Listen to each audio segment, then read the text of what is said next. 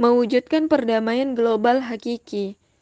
Katib Aam pengurus besar Nahdlatul Ulama, Yahya Khalil Sakuf, menawarkan strategi perdamaian global model NU di International Religious Freedom Summit di Washington DC, Amerika Serikat. Menurutnya dunia harus membangun konsensus atas nilai yang perlu disepakati agar semua pihak yang berbeda pendapat dapat hidup berdampingan secara damai. Jika peradaban tunggal yang dimaksud Gus Yahya adalah peradaban Islam dengan khilafah sebagai institusi yang melahirkannya, maka sungguh sangat disayangkan. Kenapa masih ada di antara umat muslim yang khawatir tegaknya khilafah akan memunculkan konflik dan permusuhan? Sejarah telah mencatat peradaban Islam pernah mencapai masa keemasan di masa kekhilafahan Islam selama berabad-abad lamanya. Daulah khilafah adalah negara yang tidak menebarkan permusuhan dan kekerasan. Di dalam daulah ini, toleransi sesuai syariat Islam yang diterapkan mampu menjadikan pemeluk Islam dan agama lainnya bisa hidup berdampingan secara damai.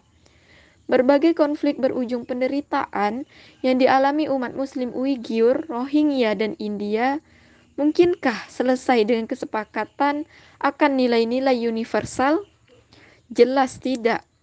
Selama penguasa dan mayoritas penduduk di sana sebagai pihak yang kuat masih menindas pihak yang lemah.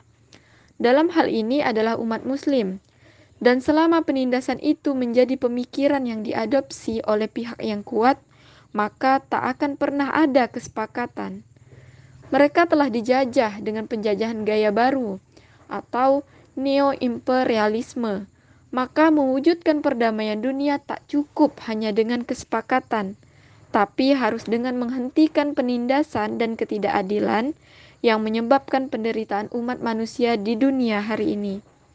Karenanya harus ada upaya menghilangkan imperialisme. Dengan begitu perdamaian dunia bisa terwujud. Islam adalah satu-satunya solusi untuk menghapuskan imperialisme dan menghancurkan kapitalisme. Tetapi solusi ini tidak mungkin diterapkan secara praktis, kecuali dengan adanya daulah Islam yang kuat di panggung internasional.